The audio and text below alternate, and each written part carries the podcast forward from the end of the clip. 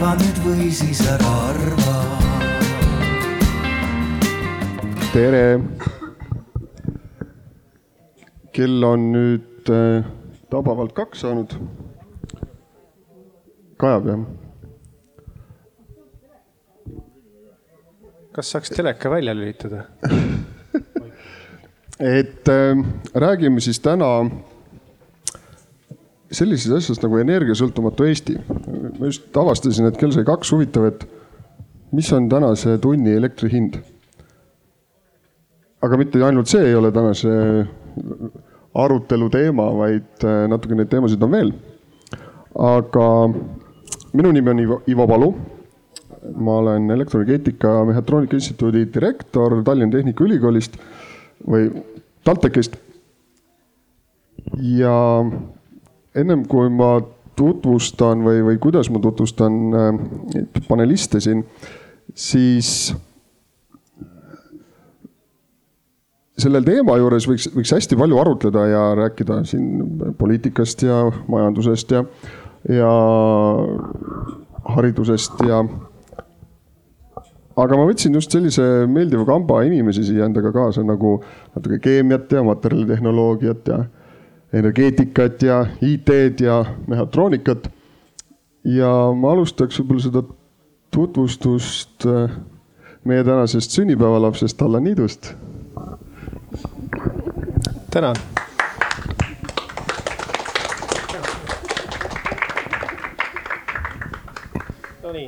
Tänan teid.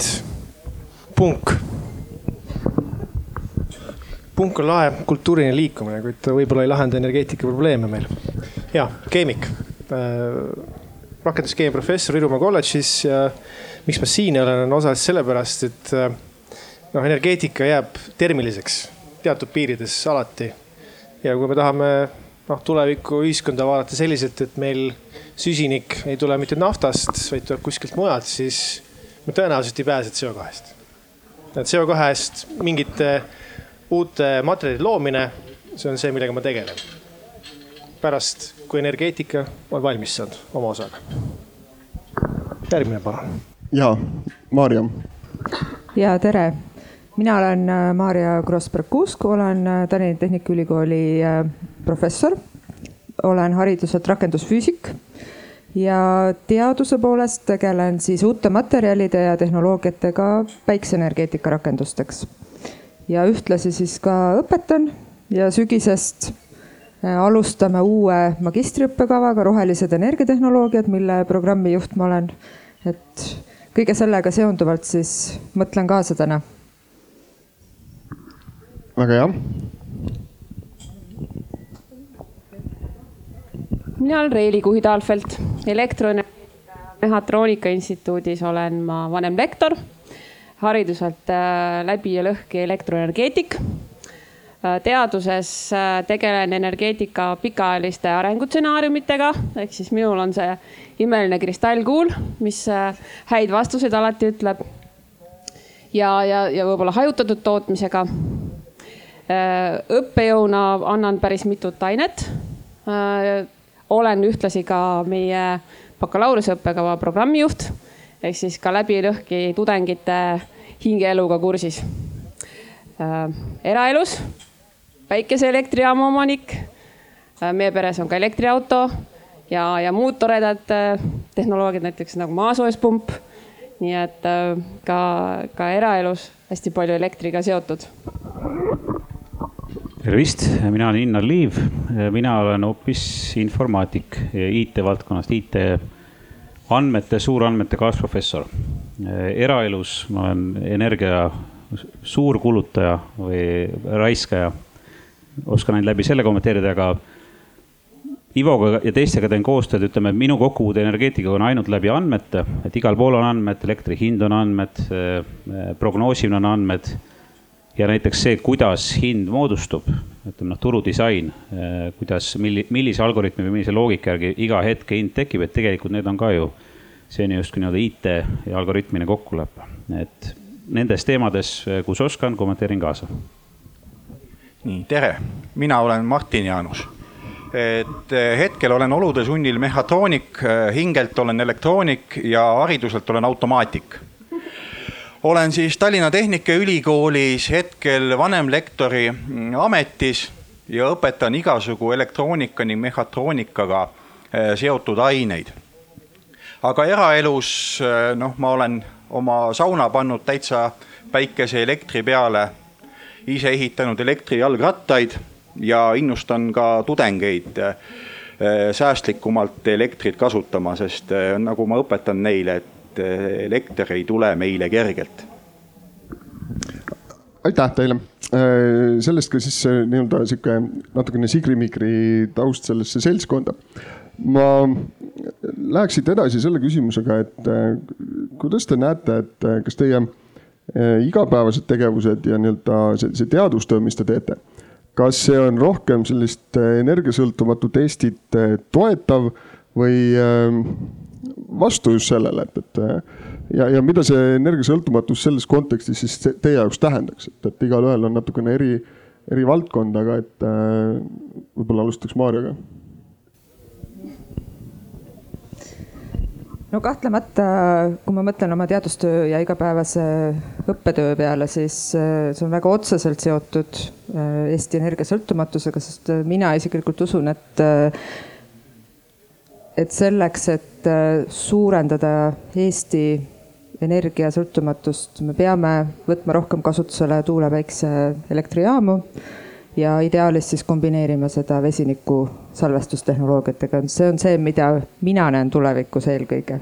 ma tean, et siin on palju tuumajaamade toetajaid ka, mina ei ole selle vastane aga see minu ideaal, mis on kõige ohutum, kõige keskkonnasõbralikum ja Eesti kontekstis ka töötaks, kui salvestustehnoloogiad kaasa tuleks nüüd piisavalt hästi, siis äh, see on see, mida ma näen, et suurendaks, mis suurendaks Eesti energiasõltumatust väga hea, aga Allan, kuidas äh, sinul on, et, et äh, kas need asjad, millest sa mainisid, et see CO2 püüdmine, kõik need teemad, et kas nad on, toetavad kaasa seda, et, et me oleks energeetiliselt sõltumatud või, või on ta pigem sõltuvust tõstav?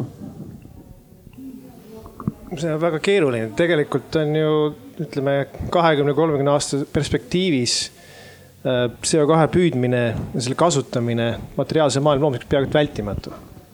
no kui Euroopa Liit kukub kokku ja ütleme, toimub kataklüsmid toimuvad, siis jaa, siis ei. aga kui ühiskond läheb edasi seda teed, et nafta välistatakse, noh järgmise poole sajandi jooksul, siis teil ei ole valikut. Te ei jaksa nii palju biomassi toota. Selleks on hea näide, et Euroopa Liidu see biolisandi nõue, te peate biodiislit tootma. selleks kasvatatakse Indoneesias õlipalme, ei ole normaalne ja kui me hakkame nüüd ütleme kogu ümbritsevat maailma biomassist tootma, see on üks visioon, te võitegi teha. noh, kasvatate põllu peal midagi, siis biomassist toodate siis endale riided, jalatseid, telki.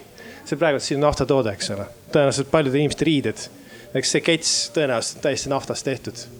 lihtsalt läbi mitmete protsesside ja selle, seetõttu me noh, oleme sunnitud seda kasutama. järelikult meil on CO2 kuskilt vaja, meil on kaks võimalust. termise protsessid, noh, mis näiteks, kui teil on Äh, taastuvenergeetika süsteem tuleb praegustest, praegustel tingimustel tasakaalusüsteemi, noh, te peate olema ka näiteks gaasielektrijaamad, eks ole. midagi säärast, te peate siis, kas teete biomassi või teete ükskõik millegi põles, prügi põletamisjaamad. see on vältimatu. selles mõttes ta nagu killuke sellest sõltumatusest. Äh, noh, samas ta ei eelda sõltumatust, eks ole kui me läheme sealt sammu edasi, et räägime vesinikumajandusest, et millest rääkis Maarjus praegult, siis meil on mure, et vesinik on kõige kergem aatom. noh, ja kõige kergem element ka muidugi, aga kõige kergem aatom. ja selle nii-öelda hoidmine purgis on tegelikult raske. näiteks vesinike lekkimine torustikest äh, on noh, kaks-kolm korda suurem kui maagaasil. et te teaksite, siis maagaasi lekib igast astmest, tootmises ja transpordis ja kasutamises. Ja sama saab olema ka vesinikuga. Tema ka, kaod on suuremad, sellest nagu väga palju räägite, seal on üks kadu on see, et toodate, kaotate, teete tagasi elektrit, kaotate. Ja selles noh, nüüd arvatakse, et meil on üks lahendus, et võtta see vesinik ja seda mitte enam viia elektriks, vaid me teeme sellest mingi sekundaarse, paremini transporditava kütuse või mingi muu toorme. noh, näiteks ammoniaagi, tegelikult see on ka see, kus noh, kui me püüame kinnitada CO2, tahame teha mingit muud asja, meil on vesinikku vaja. selles mõttes äh, need saavad nagu kokku kuskil sest ilma vesinikuta ei saa ja ilma CO2-ta ei saa. no see on siis rohkem nagu keemiatööstuse vaade pärast energeetikat, on energeetika osa, aga ta ilmtingimata ei pea tagasi suund, suunduma energeetikasse. no võtame, elektri hind on täna selline, nagu ta on. ühelt poolt saab selle hinna põhjuseks panna selle, et, et elektrisüsteemis on alati tasakaal tarbimise ja tootmise vahel ja, ja täna on nüüd tänu sellele maagaasi hinna tõusule ja kõige sellele hullule, mis meie ümber nagu toimub, on see tootmise hinnad nagu hästi kaugele ära jooksnud. Ehm, ma nagu jään nagu siin selle koha pealt mõtlema, et, et kui me täna nagu peaksime nagu kokku hoidma ja siis millest huvitav see odav vesinik siis peaks tulema, et, et, et kus see surve nagu siia tekib aga, see vesinik läheb ju selles valemis sinna nii-öelda tarbimise otsa, et see ei ole ju see tootmise ots, on ju. et äh, küsin äh, Martin Jaanuselt, et äh, kas see, kui me oma kodud suudame väga sõltumatuks teha ja väga pisikeseks selle tarbimise lükata, et kui, kui lihtne see on, et kui lihtne see sul endal oli? Et noh, mul saunaga oli üsna lihtne, et eh, panin kolm paneeli, panin kontrolleri, panin ühe aku ja siiamaani toimib ja see telefon, mis mul siin põlve peal on, on nii-öelda rohelise energiaga täis laetud.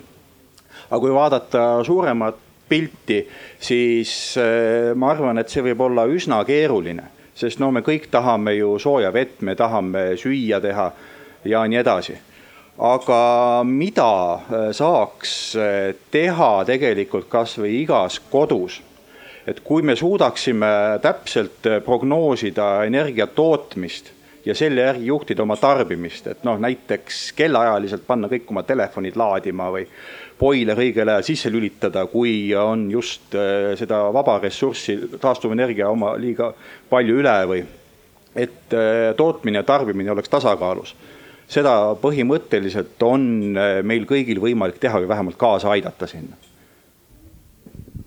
aga äh, küsin Reili käest, et, et äh, kas, kas, kas sa pikas plaanis selliseid pisikesi, ma ei tea, kodude off-grid'i viimisi või, või selliseid äh, väikelahendusi, kas, kas mingisugune mudel sul üldse niisuguseid asju arvesse võtab, et, et keegi on oma kodu tarbimist vähendanud ja et, et see võiks pikas plaanis nagu äh, riigi või piirkonna tasemel üldse mingit mõju avaldada? no me mudelitega modelleerime küll ühe konkreetse maja tarbimist ja kui sinna juurde lisada päikesepaneelid, et kuidas siis see tarbimiskõver välja näeb, see, mis kodu vajab elektrivõrgust. ja teistpidi, et kui me sinna kodule paneme juurde, on ta siis nüüd elektriauto ja hakkame teda laadima või me paneme sinna maasoojuspumba või õhksoojuspumba kuidas siis selle kodu tarbimine muutub. ja, ja saame vaadata, kui neid kodusid, sarnaseid kodusid palju on äh,, kuidas siis meie elektrisüsteemis hakkab siis koormusgraafiku kuju muutuma.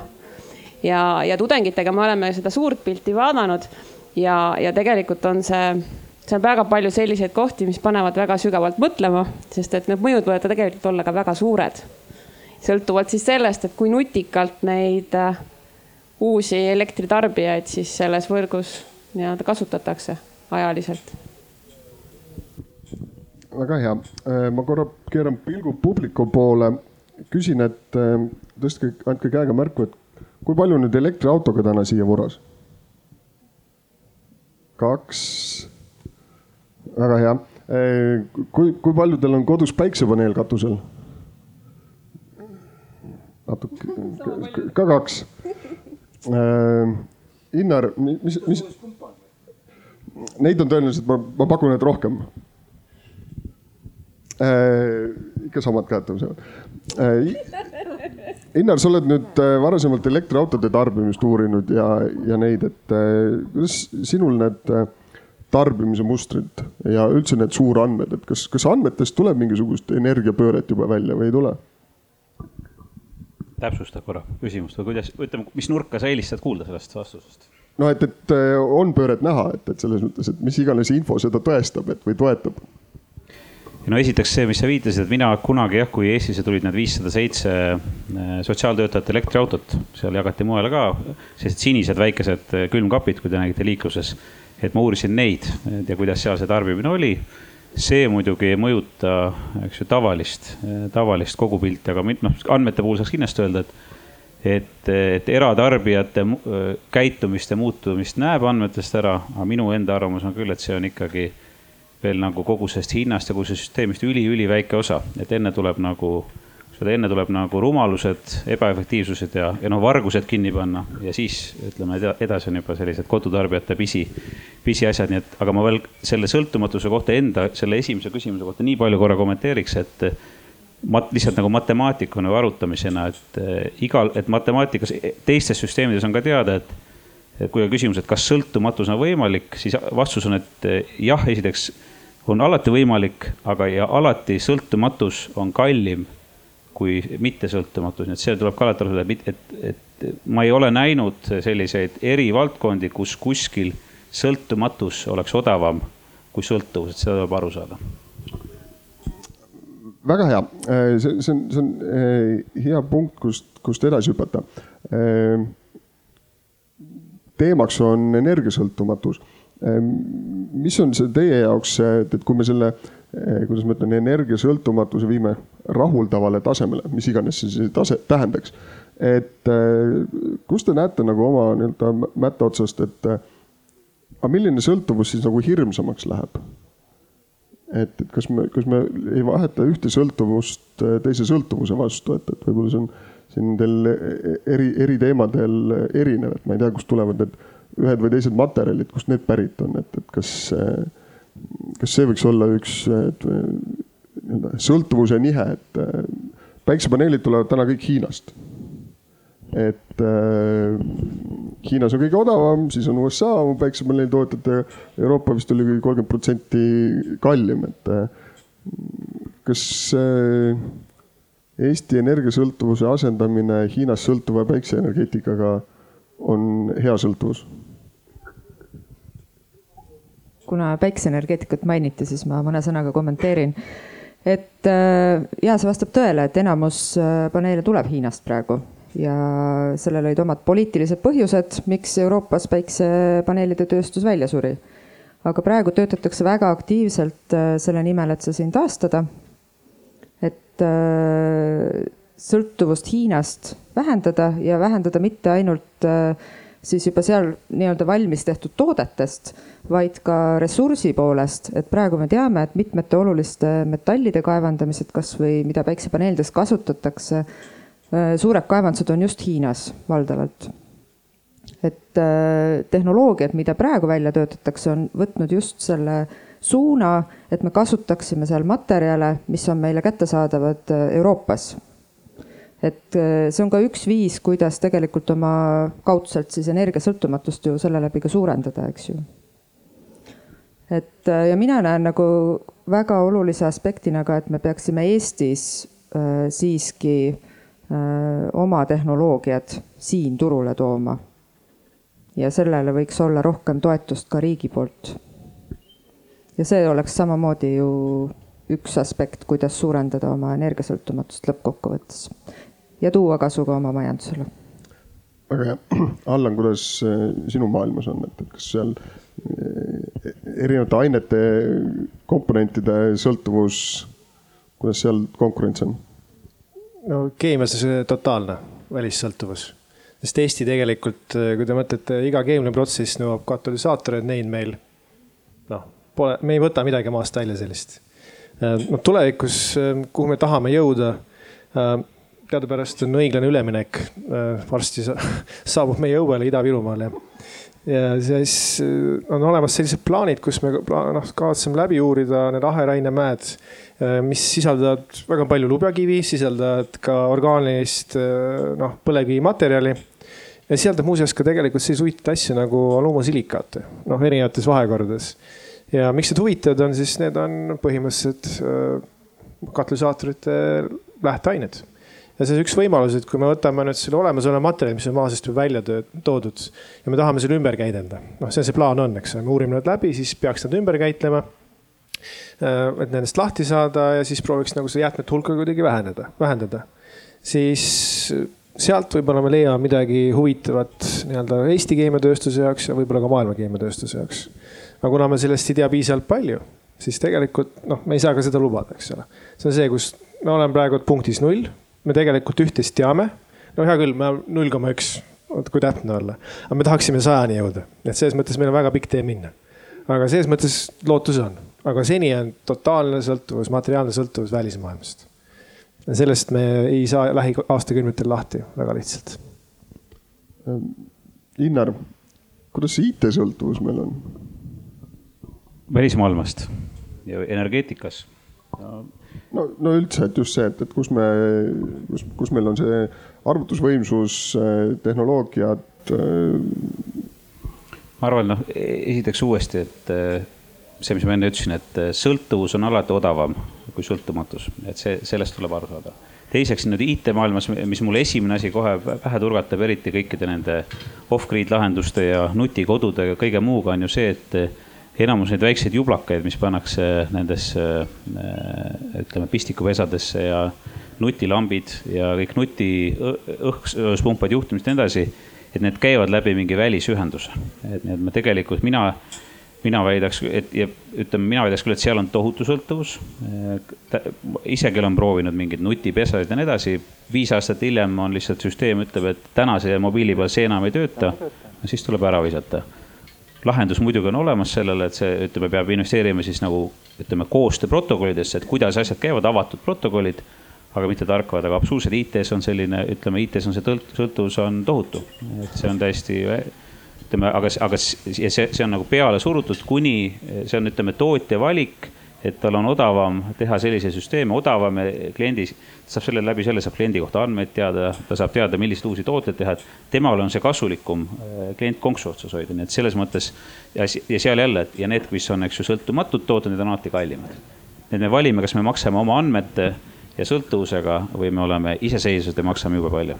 Äh, enne kui ma Maarjale sõna annan, täpsustan veel seda, et aga kas meil nüüd tänase äh, serveripargi, et, et noh, ühelt poolt heidetakse meile ette, et meil ei ole õnnestunud neid siia meelitada. teiselt poolt, kas meil on hästi läinud, et nad ei ole siin, et ma, ma ei tea, võtame elektri tarbimise mõistes, siis tarbitakse kuskil mujal on ju, et, et meil on ju tarbimise mõistes nagu mujal, et, et kuidas see nagu kuskil teises valdkonnas nagu on, on ta hea või halb, et, et neid ei ole siin ma, ei, mina arvan küll, et, et noh, seal on alati kogu see küsimus nagu hajutatuses, et ma arvan, et meile on igal juhul kasulik, kui meil on ka mingi maani, aga mitte sellises mahus, et meile tehakse sellepärast, et meile on parem teha kuskile mujale, see on natuke nagu selline prügi, prügi ladestamine, et, et kui teised tulevad meile nagu oma, oma vanu rehve ladustama ja nad siia viiekümneks aastaks, et siis see on halb. aga kui me tahame mingis mõttes, et oleks nagu hajutatus, et oleks siin serverid, seal, siis see on igal juhul hea, et tasakaal on jälle seal selline võtmesõna väga hea. Äh, Maarja, tahtsid lisada? ja ma tahtsin kommenteerida veel seda ressursside küsimust ka selle koha pealt, et äh, iga uue tehnoloogia väljatöötamisel tänapäeval me ei pääse ka tegelikult sellest, et me peame arvestama selle oma eluea ära elanud toote taaskasutamisega. ja siinkohal võib jällegi tuua tegelikult päiksepaneelid kui ideaalne lahendus, sest juba praegu Äh, nende ränitehnoloogiate puhul saab kuskil üheksakümmend kuus protsenti paneelist taaskasutada, et ei tekita mingit jubedat jäädet. ja uute tehnoloogiate puhul on juba näidatud seal, et need äh, taaskasutusprotsendid on üheksakümmend kaheksa, üheksakümmend üheksa protsenti lausa. et kui me siin äh, arvestame sellise hüppelise paneelide tootmiskasvuga, siis tegelikult ennustatakse aastaks kaks tuhat viiskümmend ligikaudu kaheksakümmend miljonit tonni päiksepaneelide jäätmeid ja see on päris üüratu hulk ja tegelikult kui võtta nüüd, et seda suuremat osa sellest on kõike võimalik taaskasutada, siis sellega me hoiame ka jällegi ressurssi kokku. me ei sõltu kuskil kellegist ja ma ütleks, et see on üks väga oluline suund ka, mille kallal teadlased tegelikult praegu töötavad. seda ma tahtsin öelda. väga hea.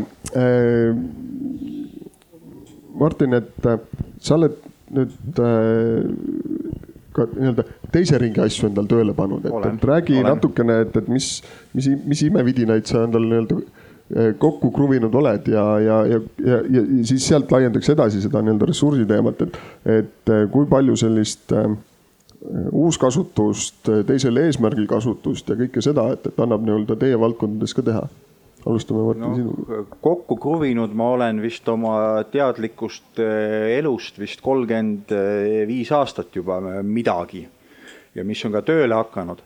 aga taaskasutusega on tänapäeval äh, lood natukene pahad, no omal ajal oli hea, et võtsid mingi vana raadio või teleka, lammutasid laiali, said juppe kasutada. aga tänapäeval on see integratsioon läinud nii suureks ja nendel kiipidel on väga, väga erinevad otstarbed, et isegi kui väga tahaks taaskasutada, siis lihtsalt ei saa seda. noh, saaks kasutada mõningaid üldotstarbelisi komponente.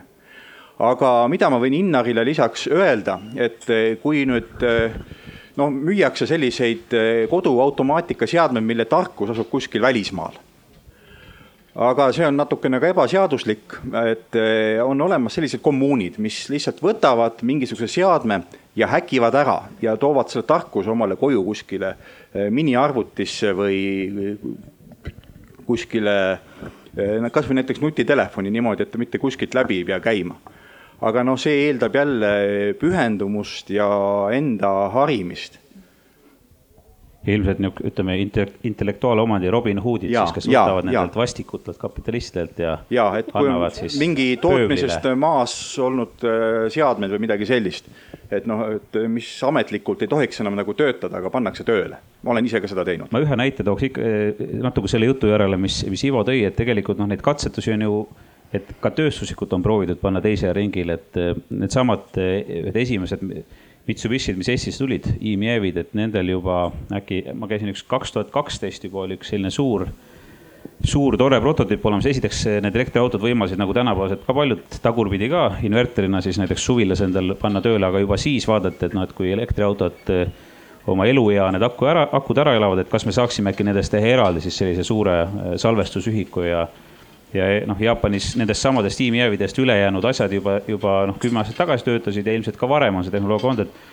et seda nagu katsetavad, aga, aga lihtsalt, et kui need on noh, et, et ilmselt see nagu mastaabiefekt on nagu jube raske, et nad on jube rasked nagu füüsiliselt ka kaaluvad väga kaua väga palju ja noh, et me moraalseid küsimusi eraldi, et kas see on nagu, et kas koobalt on toodud mingi kaheksa aastase lapse peas kuskilt kaevandusest välja või mitte, et noh, need on eraldi, aga aga juba seda, noh, ütleme, nad on ka füüsiliselt nii mahukad meil, et inimestel ei ole tänapäeval enam neid keldreid, kuhu panna nagu massiliselt neid äh, akusalvestuskohti, et see on võib-olla eraldi küsimus, et kui nüüd ühel hetkel tahame hakata sinna minema, et meil on kõigil see noh, kas just Powerwall katab ära, ma ei ole spetsialist, et kas, kas majapidamine saab, aga ma arvaks, et enamasti, et salv, et salvestustehnoloogiad pigem jäävad olema nagu füüsiliselt suure äh, kubatuuriga kui väiksega.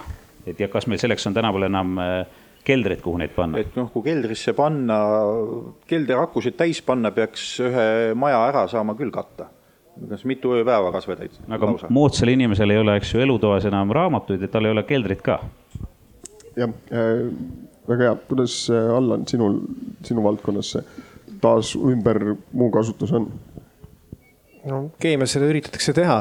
Äh, noh, tükk aega on olnud sedasi, et äh, me loome kõiki asju sedasi, et me toome maa, maalt välja midagi, teeme asja valmis ja pärast, kui ta noh, läbi on, siis ta läks ju aastakümneid prügimäele. pärast jah, täpselt maeti maha. Äh, pärast leiti, et okei okay,, või midagi muud teha, siis tekkisid mingid noh, näiteks põletamine. Äh, noh, tegelikult on ka teatud plastidest, et me saame näiteks rehvijäägist teha kummimatte lasteväljakutele. samas tuleb välja, et need pärast eritavad noh, ka toksilisi ühendeid. nii et noh, sellest saad hiljem aru, et inimene on äh, reaktiivse, reaktiivse iseloomuga, sest inimesel puudub ühiskonnana tervikuna nagu ettenägemisvõime väga pikalt. noh, kui te vaatate, kuidas see areng on toimunud, siis kõigepealt saastasime looduse. okei okay,, jama, siis teeme seadused, nüüd on parem noh, me ei ole sellest lahti saanud, aga võrreldes kaheksakümne aasta taguse ajaga tegelikult on asi palju parem. et keemiatööstus, üldse tööstus kui selline ei saasta noh, iseenesest nii palju loodust, eks ühikuga, aga seda on nii palju rohkem ja seetõttu on saastet rohkem no hea küll, nüüd on jõutud nii kaugele, et tegelikult me tahame välja töötada tulevikus selliseid materjale, mis on juba sisse ehitatud nii-öelda kas lülitiga või selle ehitatud selliselt, et me pärast viime nad, tõenäoliselt on õige on see, et me viime ta kuskile taaskäitlustehasesse. noh, tänapäeva, tänapäeva mõistes see on mingi jäätmejaam, eks ole. ja seal siis kontrollitult lõigatakse tükkideks tagasi ja siis ta läheb toormena uuesti tööstusesse tagasi ideaalis see oleks muidugi kinnine tsükkel ilma kadudeta, reaalsuses ei saavuta kunagi sada protsenti efektiivsust. mingid kaod teile jäävad, aga see on tulevikku suundumas. paraku see ei ole noh tekkinud, eks selle mõtte peale on tuldud juba võib-olla paarkümmend aastat tagasi, aga tööstusesse no selliseid asju nagu väga palju pole jõudnud aga see on see üks viis, kuidas me saaksime lahendada. järgmine samm on see, et me näiteks teeme nii-öelda biotehased, kus mikroorganismid võtavad teie jäätmed tükkideks ja teevad noh, kas teevad sama lähtematerjali või teevad uue. see nagu siis meie tarkus ja meie oskus neid arendada see põhimõtteliselt annab meile lõpmatu võimaluse äh, teha siis äh, nii-öelda taaskäideldavat äh, mateeriat kus kindlasti on omad jäätmed, siis ka bio, no ütleme, biomass lõpuks sureb ja temaga on vaja midagi teha, aga seda võib ette kujutada, et kui ta on piisavalt ohutu, temast saab näiteks väetis. noh, see on see biomassi eelis. kui ta ei akumuleeri näiteks raskmetalle või muid äh, toksilisi ühendeid, siis temast saab väetis. Nii lihtne see ongi ja see on nagu tulevikuvisioon. tahaksime sinna jõuda väga hea, nüüd äh, ma küsin Reeli käest, et, et kas, kuidas sulle kõlab äh, elektrijaama taaskasutus või et, et äh, kas meil suurenergeetikas ka sellist mingisugust head taaskasutamisvõimalusi on, et?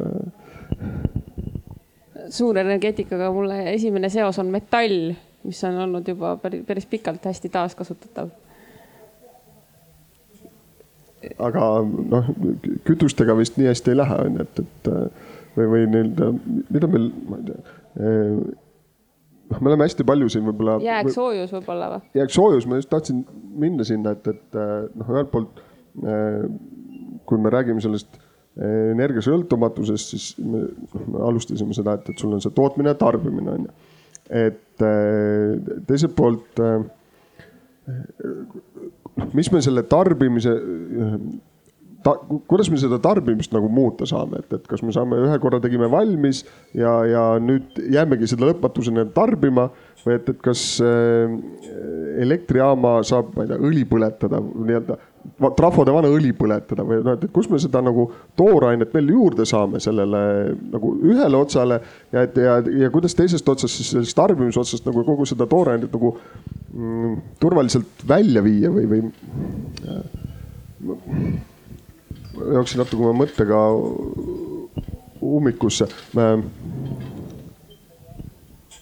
ühesõnaga küsimus oli selles, et, et see, kas meil nagu suures mahus Äh, ümbertöötlemist peale võib-olla siin toodud välja rehvide, et kas meil veel midagi nagu põletada on, seepärast et kõik muu kipub nagu uus olema, et äh, puit, äh, bio, noh kogu see biomass, et kas meil noh prügi, aga et, et kuidas kuivõrd efektiivne näiteks see prügi põletamine nagu suures pildis on, et, et kui palju selliseid jaamu Eestisse mahuks?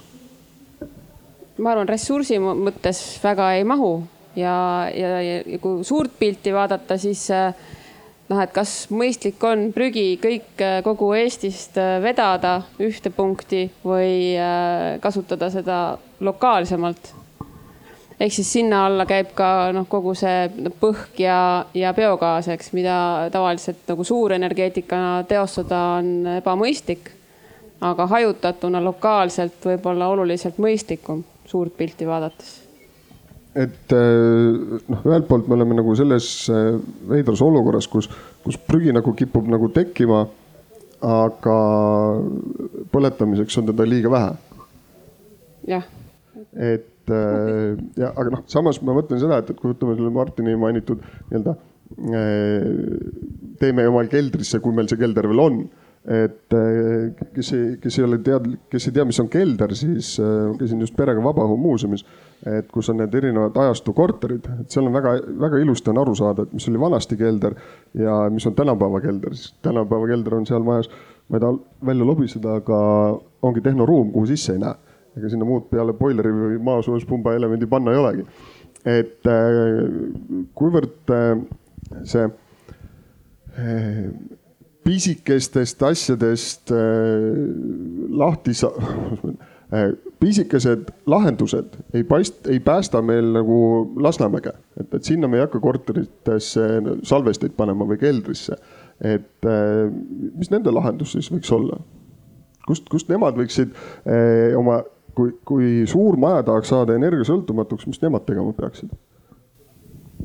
no on olemas niisugune suurepärane Ameerika startup, mis on startup inud umbes kakskümmend aastat või natuke vähem kellel on selline päris suur akutehnoloogia, kus kasutatakse sulametalli, soolasid, töötab. Tõsi, ma ei ole nagu noh, viimasel ajal uurinud, kas ta on jõudnud, jõudnud nagu rohkem kui investorite raha põletada äkki ka mõne aku ülesse panna. aga see on põhimõtteliselt noh, sellist, seda tüüpi lahendus, mis on mõeldud suurte piirkondade, ka isegi võib-olla siis suure võrgu üheks salvestuselemendiks ja sa paned neid palju, ta tegelikult skaleeritav vastavalt sellele, noh, sa paned tonni soola asemel paned kümme tonni ja teie aku mahtus on vastavalt suurem seal on äh, teatud võib-olla probleemid sellega, et kuna ta tuleb sulas olekus, siis temperatuurid on päris kõrged, mitte sada kraadi nagu vesi keeb, aga pigem nagu kuussada kraadi, eks ole. Äh, aga no ütleme, see on tehniliselt lahendatav. et selliseid lahendusi nagu töötatakse välja, selle peale mõeldakse. kuid tänapäeval näiteks Ameerika Ühendriikide kontekstis on Tesla akusid lamp, lappida kuskile järjestikku lihtsam. seda tehakse, et me oleme päikeseparkidele pannud neid äh, Tesla akude parke ehitanud juurde, temal on need nii-öelda megatehased olemas. No palju õnne, eks ju, aga teine mees mõtleb nagu teistmoodi ja ta ei ole suutnud skaleerida, kuigi teoreetiliselt tema tehnoloogia on skaleeritav, see on see koht, kus, mille peale saab mõelda. et mis tüüpi akud, äh, mis efektiivsusega, mis süsteemi osas nad võib-olla oleksid kasulikud. see on nagu üks võimalus, kuhu minna ja see saaks Lasnamäge aidata küll.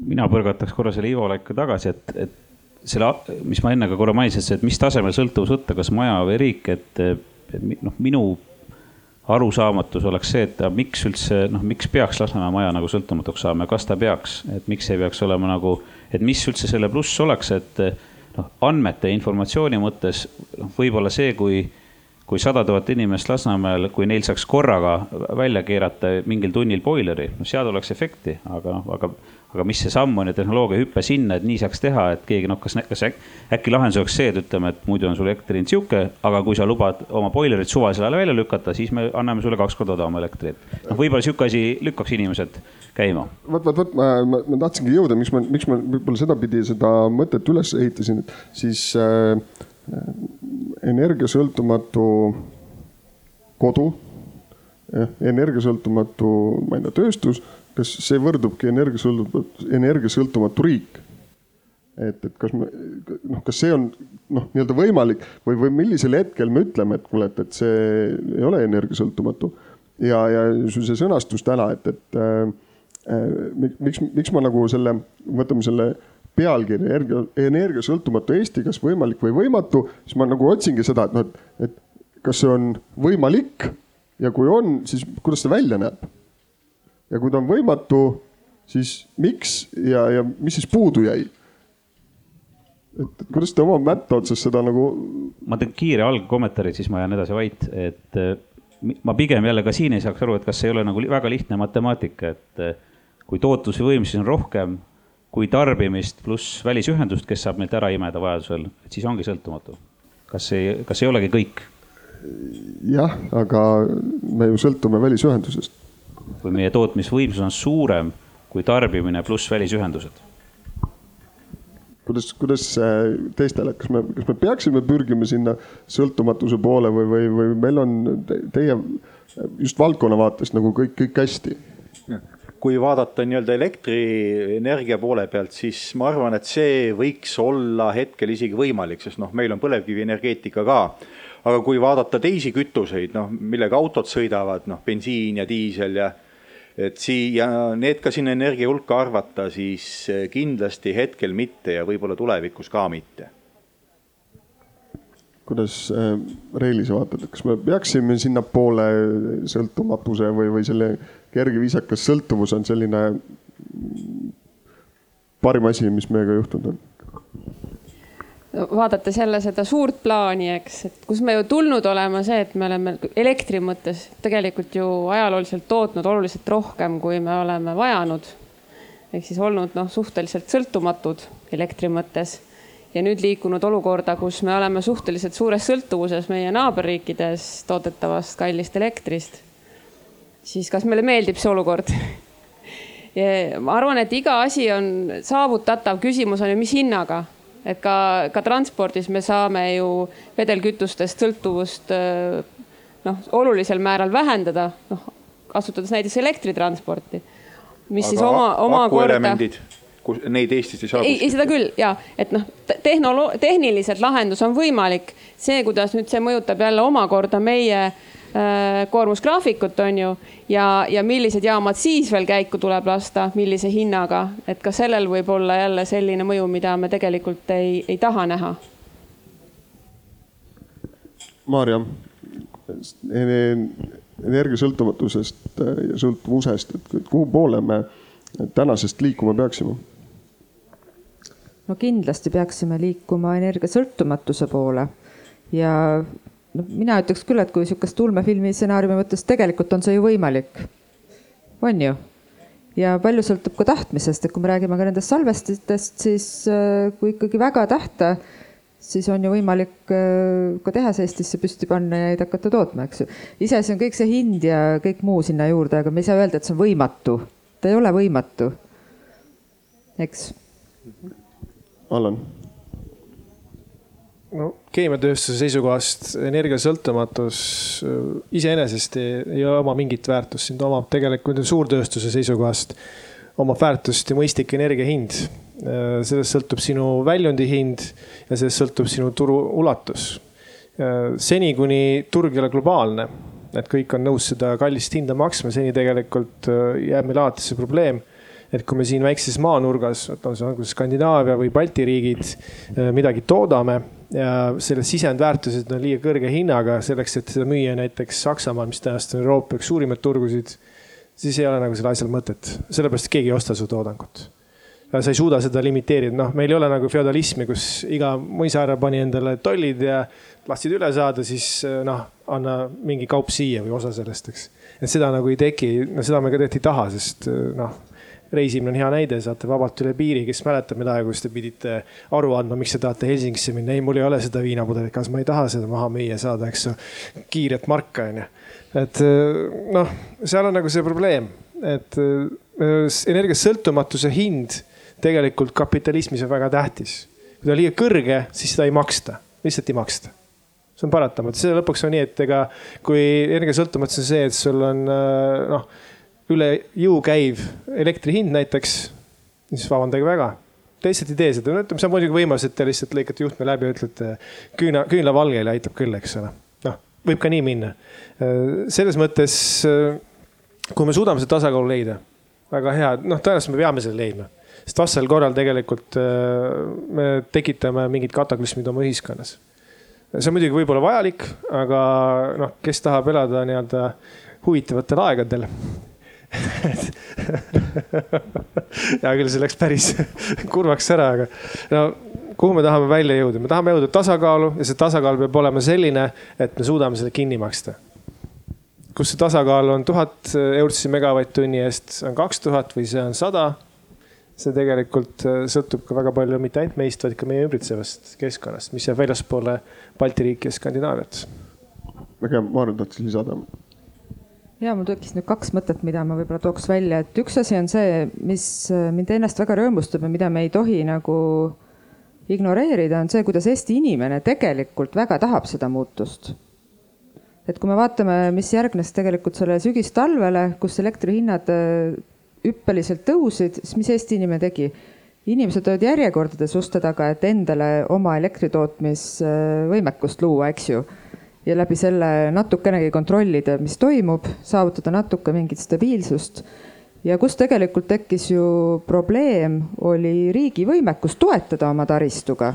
et see on selline, äh, ma ütleks, üks väga võtmekohti, et kui inimesed on valmis muudatusteks, siis riik peaks tulema oma taristuvõimekusega kaasa et seda muudatust ellu viia, sest et hiljem võib see lõppeda sellega, et äh, tuleb hakata vastupidi, eks ju kuhugile peale suruma võib-olla. ja oot, mul oli üks mõte veel, küll see tuleb meelde väga hea äh,.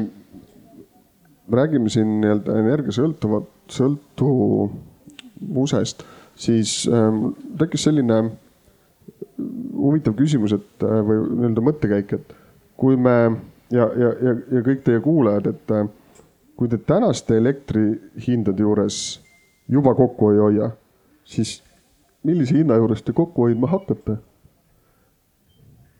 et et noh, see, see on vist natukene see, see, see küsimus, et, et me oleme nüüd või peab talve ära ootama, et, et siis hakkame kokku hoidma, et, et, et tuleb suvel, mis tuleb, et, et, et see on natukene selline minu jaoks hirmutav, et kas me oleme, kas me oleme kõik oma ressursi ära kasutanud, et kokku hoida kuidas, kuidas teil nüüd, ma nüüd hüppan nii-öelda teie kodudesse, et, et mis te olete juba teinud ja kas te näete veel võimalusi kodus omal nii-öelda elektrit või energiat kokku hoida?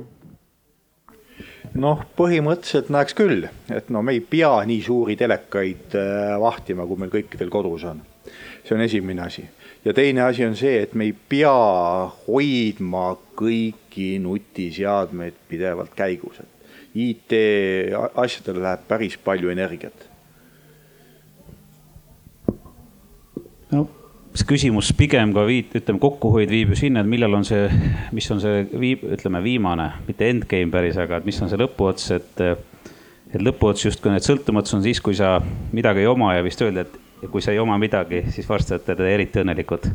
siis, kui te midagi enam ei oma, et noh kas just sinna peab minema, aga eks, eks ta, eks ma arvan, et see noh, mina, minu, mina näen selles tasakaaluses hinnas eraldi momenti, mis peab välja tooma, et alati on see hea, et kui inimesed on laisad, nad saavad laksu eh, ära ja siis nad hakkavad, noh, miski sunnib neid liikuma. aga see, aga see liikuma sundimine, ajaraam peaks olema nagu aasta, kaks, kolm, neli. aga mitte niimoodi, et sa pead suutma rapsida, eh, muuta niimoodi, nii kiiresti et näiteks, et sul ei olegi võimalik nagu, eks ju, muuta, osta, noh, mõtled, mis iganes pensionärid, suurte lastega pered, et, et see, ütleme, et kui kümme, kakskümmend protsenti tõuseb hind, hakatakse mõtlema muutusi peale, kui tõuseb nelisada protsenti, noh siis sa, sa ei jõua muuta, et ütleme, nii et ma arvan, et seal see, et mina ei usu sellesse, et ütleme, et tegemist on ikkagi turu anomaaliaga, tuleb korda saada ja mitte muretseda. Ma saan aru, et sa nagu etalon äh, tarbijana ei ole veel valmis muutma. Kindlasti tuleb muuta, et ei, et ei pea enam olema noh, ütleme, mis iganes, ütleme nii, et mõnisada ruutmeetrit võib nagu kasutusest välja võtta. aga kas me, meie elamispinnad peavad olema nii suured? noh, et, et selles mõttes ma olen nüüd eh, nii-öelda hea Inneriga nõus, et, et eh, elamispinda nüüd eh, kõrge hinna pealt võib-olla kohe muutma ei pea, aga Reili, mis, kuidas, kuidas sul seis on? ma võin öelda, et minu kodu on nullenergia maja, eks. ma, me toodame natuke isegi rohkem, kui me aasta lõikes tarbime, aga ma ei pea oma kodu energiasõltumatuks. sellepärast me toodame ja tarbime suhteliselt erinevatel aegadel ja suhteliselt vähe suudame ise ära tarbida sellest, mida need päikesepaneelid ikkagi toodavad Uh, mida teha saaks, noh, me oleme palju ära teinud, me oleme hästi soojapidavas majas Äh, mis, mis olulisel määral vähendab juba meie energiakulutusi. Kuna, kuna kütteallikas on ju ka elektripõhine, siis äh, noh, seda summat ma juba tean, mida ma kõike kulutan. Äh, ma teadlikult mõtlen selle peale, et ma endale elektritarbimist pidevalt juurde ei tekita Äh, minule, minu kodus ei ole robotmuruniidukit, mina sõidan selle sellise mehaanilise muruniidukiga ise ringi. sellepärast, et mul ei ole vaja siis õhtul oma kümme tuhandet sammu käia kuskil mujal täis tegemas, vaid ma saan seda oma koduhoovis teha ja, ja saan hea enesetunde, et ma olen millegagi hakkama saanud ja ei ole mul ka aknapesurit, sellepärast et ma saan seda tööd ka tegelikult käsitsi teha, et ei ole mõtet tekitada elektritarbimist sinna, kus see on puhtalt ainult äh, noh, mugavus. aga jah, Maarja ja no kindlasti on ruumi kokku tõmmata, üldse ei, ei vaidle vastu, et. Äh, et mina ütleks, et mina oma kodus ka olen võtnud selle suuna, et äh, lihtsalt vähendada elektritarbimist mul ei ole endal päiksepaneele näiteks katusel, see võimalus üldse neid paigaldada tekkis mul alles hiljuti ja ma ei ole veel lihtsalt jõudnud selleni. kuigi äh, selline soov on ja ma väga sooviks just mõnda uuemat tehnoloogiat selleks katsetada.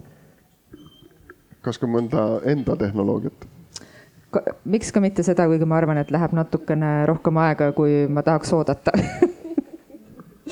aga üleüldse ma mõtlen, et äh, see tehnoloogiline innovatsioon on see, kuhu tegelikult äh, suuremas plaanis peakski panustama, et äh, ka kõik need investeeringud, mis riigi tasandil tehakse, et ei ole mõtet sellesse vanarauda ja vanadesse tehnoloogiatesse nagu väga enam investeerida, et pigem ikkagi võtta uued kaasaegsed tehnoloogiad, millel on pikad eluead mis lõppkokkuvõttes tasuvad meile igal juhul rohkem ära, kui, kui sellesse vanasse investeerida. on selleks siis, ma ei tea, tuulepargid, tuumajaam, mõni uuem tehnoloogia, et kindlasti suund tuleks nagu sinnapoole võtta.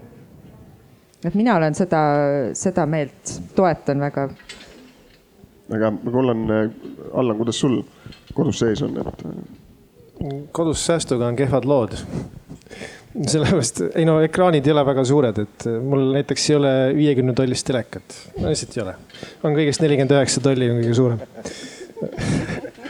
aga tegelikult, kus ma oma elektriarvet vaatan, siis kõige suurem mõjutaja on, kuidas ma teile ütlen siis, jõuluaegne kokkamine, kus te panete elektriahju ja elektripliiti palju rohkem tööle kui muidu.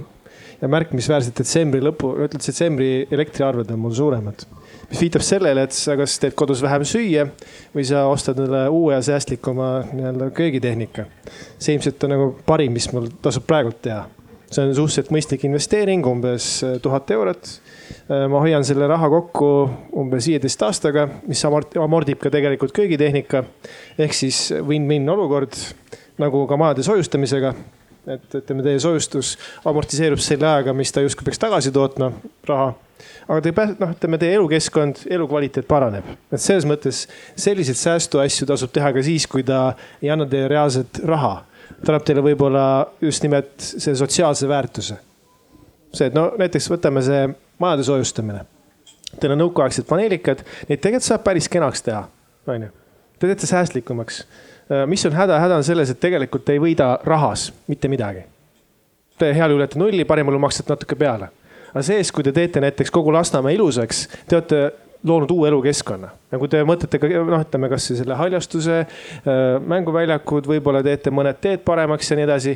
Te olete loonud tegelikult väärtus, väärtuse, mis on lihtsalt suurem kui energiasääst. et see on see mõte, mille peale tasuks ka nagu noh, ühiskondlikus mõttes liikuda või kuhu suunas, et miks seda teha. kui te ei näe otse rahalist võitu, nähke sotsiaalse keskkonna parandamist ja see on tegelikult inimestele, inimesele väga tähtis noh, mitte tegelikult me, no okei okay,, rahast me sõltume, aga see elukeskkond, sotsiaalne keskkond on see, mis tegelikult aitab inimesel nii-öelda elu elada ja võib-olla ennast hästi tunda. ja me tahame pigem viibida seal ruumis, kus me tunneme ennast hästi, olgu siis kodu või väliskeskkond.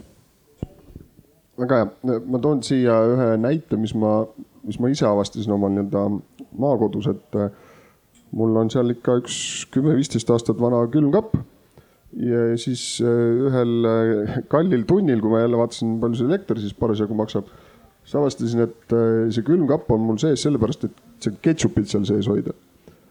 noh, teised asjad ei olnud nagu väga kriitilised, et kui sa nagu tuled hommikul ja õhtul lähed, et siis võib-olla see ketšup ei pea seal nagu väga soojas olema ja siis hakkasin arvutama, võtsin Eleringi kodulehe lahti, vaatasin, et palju mul siis see nagu see öine tarbimine on, mis ta nagu kogu aeg järgi tiksub, onju. siis vaatasin null koma null seitse kilovatt-tundi nagu tunnis, et noh, pole. siis hakkasin näppude peale arvutama, vaatasin, kolmsada kilovatt-tundi aastas. ja siis võtsin nagu lihtsalt äh, elektroonikapoest võtsin äh, lahti jahekapi, äh, mis pakub aastaseks tarbimiseks sada neliteist kilovatt-tundi. et noh, mõtlesin, et ma saaks kolm korda odavamalt ketšupit hoida, kui, kui nagu tänases külmkapis siis mõtlesin, et aga oota, miks ma siis uue ostan, kui mul teda aeg-ajalt nagu ikkagi tarvis läheb. tõmbaks üldse välja selle, et viiks selle ketšupi linna ja siis vaataks, et mingite muude asjadega, kui ma tean. et selles mõttes üleskutse, et, et äh, kindlasti teil on kõigil, äh, kes ei ole veel käinud, et vaadake Eleringi kodulehelt, seal on see andmeladu, et sealt saate äh, vaadata, et palju teil nüüd öine tarbimine on, et sealt leiad ka need spioonid, nutiseadmed ja ja kõik muud, äh, mida te nagu ei tea, et te tarbite, et, et need asjad leiate sealt üles, et selline mm, võib olla päris moti-, motiveeriv äh, avastus, et äh, kui palju ikkagi öösel te elektrit tarbite. aga läheks siit natukene sellest elektri ja, ja, ja nii-öelda sellest maailmast. sul oli veel üks kommentaar. ja ma tegelikult. ennem kui me teemat vahetame natuke ja võib-olla see viibki selle uue teemani, mida sa plaanisid, ma ei oska öelda. aga mis ma tahtsin öelda, on see, et äh, kõik see elektrienergia tarbimise vähendamine, see tuleb tegelikult maast madalast ja see on asi, mida me peaksime koolis õpetama. et äh, lapsed juba varakult saavad aru, kust elekter tuleb, et selle tootmine ei ole niisama, et paned pistiku seina ja sul on kogu aeg ta olemas. ja see tegelikult õpetab juba seda kokkuhoidu, mitte et me ei hakka seda kuskil seal, ma ei tea, gümnaasiumi lõpus või ülikoolis alles õppima siis, et, et näed kunagi nimetatud alternatiivenergiaallikad on lausa olemas, mis on tegelikult ju praegu juba põhiliseks enam-vähem muutunud. et see hariduse küsimus on ka tegelikult ikkagi väga oluline, et seda muudatust üldse ellu viia, eks just, just sellele teemale ma äh, hüpata tahtsingi. aga noh, siin, siin tuli seesama, et äh, meil oli suur kampaania kunagi, et lahkudes kustuta tuli. et äh, oli, oli hästi vahva videoklipp, aga noh, et, et mingil, mingil hetkel saadki aru, et, et kui sul see paarivatine LED on, et, et kas, kumb enne vastu tuleb, kas ta lülitustest põhjustatud rike või lihtsalt järjest põlemisest tekkiv rike, et, et kummal juhul, kumb tegevus on nüüd nii-öelda lõppkokkuvõttes siis kasulikum, on ju. aga hüpates haridusse, et, et siis noh, me oleme nüüd kõik õppejõud ja meil on mingisugused omad ained. et kuivõrd on see noh, võib-olla Innaril võib-olla vähem, aga kuivõrd on see ressursikasutus midagi, mis äh, meie ainetes nagu, nagu kaasa tuleb, noh nagu Maarja ilusti ütles, et siis midagi peaks nagu lastel juba tegema, aga et, et kuidas me täna nagu tudengeid äh, harime või, või, või äh, eeskuju näitame või, või oma õppeainetesse seda nagu sisse toome, et, et kuidas need, kuidas need head näited on, Reeli, võib-olla sul on nagu kõige rohkem neid mul on hästi palju näiteid jah, ma arvan, et kogu minu õppetöö on seotud sellega ja, ja hästi palju ka, ka selles kontekstis, et see, see teadmine oleks nagu tavaelus hästi rakendatav. Äh, võib-olla alustada sellest, et noh, et päikesepaneelide tasuvuse arvutamine on, on minu ainetes olnud juba vist võib öelda aastakümneid sees, kus siis alguses me saime teada, et see ei tasu ja, ja siis me saime teada, et tasub, et huvitav, miks ei ole keegi seda veel teinud ja siis me saime teada, et nüüd on tehtud. ja, ja siis hakkasime tegelikult äh, arvutama hoopis nüüd salvestite tasuvust, on ju, sest see on praegu isegi oluliselt aktuaalsem kui päikesepaneelide tasuvuse arvutamine ja, ja ka see põhimõte, et noh, millal ma ise toodan, millal mul on kasulik võrku müüa, millal mul on tasulik seda salvestada millal ma võiksin võrgust osta, et seda salvestada ja nii edasi, et, et ka see, ka selline elektritarkus võib äh, selline olla? Ehm, ma tean, et sul oli see elektriautode näide oli ka, et, et äkki sa tood selle ka siia ära, et, et kuidas, kuidas te selle peakaitsme valikuni jõudsite ah,? ja, no jah, elektriautode teema on selles mõttes väga-väga mitmel tasandil sees, aga et, et kuidas kui tudeng õpib äh, noh, Oomi seadused ja, ja kuidas ikka i võrdub u jagatud r-iga ja, ja aga et kuidas ta siis noh, kus ta päriselus kasutusse läheb, on see, et kui küsida, et, et et kui sul on, ostad endale elektriauto ja tal on, ütleme, ma ei tea, kuuskümmend kilovatt-tundi on see aku, et kui kiiresti sa selle täis tahaksid laadida. Ja noh, tudeng on hästi praktiline, ütleb, et noh, ma tahaks ta ööga, aga et ma õhtul hilja tulen peolt hommikul ma tahan kooli minna, et noh, ütleme, et neli-viis tundi. ja, ja kui sealt arvutada siis see äh, laadija võimsus välja, siis äh, aga kui suurt peakaitset sul vaja on ja siis tuli välja, et on hästi kasulik seesama äh, kõige lihtsam äh, füüsikavalem, millega siis saab arvutada, et kui võimsat laadijat sa oma koju saad panna, kui sul on kakskümmend viis amprit näiteks peakaitse et kas sa saad selle nelja tunniga autot laadida või, või on sul vaja näiteks kaheksat tundi selleks? väga hea. Äh, Innar, tuleb see ressursi teema sinu ainetesse ka sisse? no andmetega kaudselt on alati küsimus, et äh, kui minu valdkond on andmete uurimine, siis on ju alati küsimus, et, et ühest küljest võiks ju kõike ära salvestada, et millest tekib digiprügi või mis need sõnad varem varem siit läbi käisid, et äkki me kunagi leiame sealt midagi, midagi head.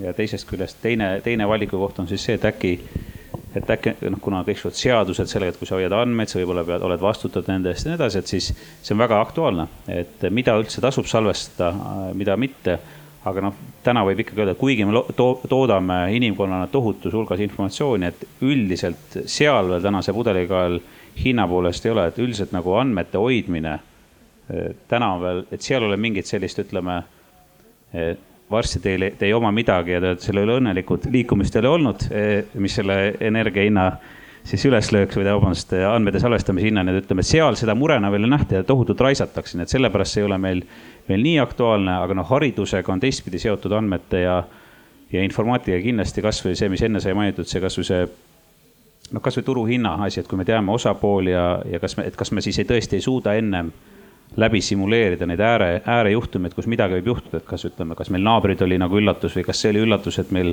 tarbimine suureneb, et see on kindlasti ütleme hariduse puudujääk, et ülikoolide ja koolide tegemata töö, et aga nüüd me saame neid, neid nagu vilju juba noppida. Martin noh, otseselt õppeainetega seotud ei ole energiasäästu jutud, aga kuna ma olen käinud äh, tavakoolides juttu rääkima elektroonikast, äh, energeetikast ja üldisest äh, filosoofiast, siis ma võin ka päris häid näiteid tuua. Et noh, kui Agu Sihvka juttusid tsiteerida, siis noh, mul on olemas selline masin, mis väntamisel voolu annab ehk tegemist on omaaegse Nõukogude sõjaväe telefoni sees oleva vändaga, induktorist kutsutakse ka, mis, millega väntab eh, hõõglambi kahesaja kahekümne voldi siis ja kahekümne viie vatise üsna heledalt põlema. ja siis ma olen sellega koolis käinud ja pannud sinna selle induktori otsa tavalise telefonilaadija ja siis sinna lükanud telefoni ja siis koolilapsed noh, äksi täis, et oh, ma väntan oma telefoni aku täis. ja siis noh, väntab, väntab ja ma ütlen, no vaata, kaua sa nüüd väntad, et akut üks protsent juurde tuleks. no ühel oli seal natuke rohkem viitsimist, mingi kolm-neli minutit väntas, aga tuli juurde. ja, ja siis teine asi on siis need päikesepaneelide demo töötoad või noh, et nendega oleme, oleme neid ka teinud, et et saab võtta samamoodi oma telefonile külge panna ja suht väikese vooluga, aga no ikkagi laeb telefoni aku täis näiteks tänase ilmaga. ja noh, muud moodi ka äh, populariseerinud energia äh, säästmist. väga hea, Maarja, kuidas see ressurss on sinu, sinu ainetes äh, õppetöös teemaks? No minu õppetöö väga palju puudutab äh, materjalide uuringuid ja materjalide tehnoloogiat.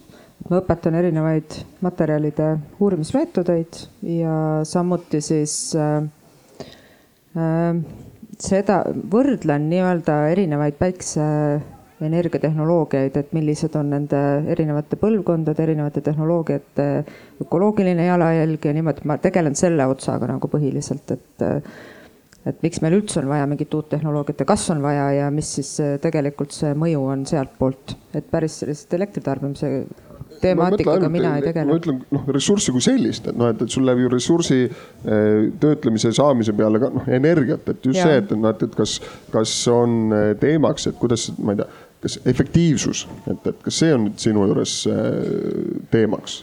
no absoluutselt, kui me räägime võtame need päiksepaneelide tehnoloogiadki, siis äh, igal tehnoloogial on ju oma hind, oma ressursikulu ehk siis nii põhimõtteliselt seesama ökoloogiline jalajälg, eks ole. et sellest me jah räägime ja seda me käsitleme, et on ju teada, et tegelikult need praegu igal pool kasutusel olevad äh, renipaneelid on kõige suurema ökoloogilise jalajäljega võrreldes kõigi järgnevate põlvkondadega, et, äh, et sellest me räägime jah kas sa nüüd äh,, sa kindlasti sa oled juba tükk aega teinud, et kas seal on mingit suurt muutust ka vaja selles, kuidas rääkida või mida rääkida, et, et kas see peaks äh, nüüd selles mõttes nii-öelda äh,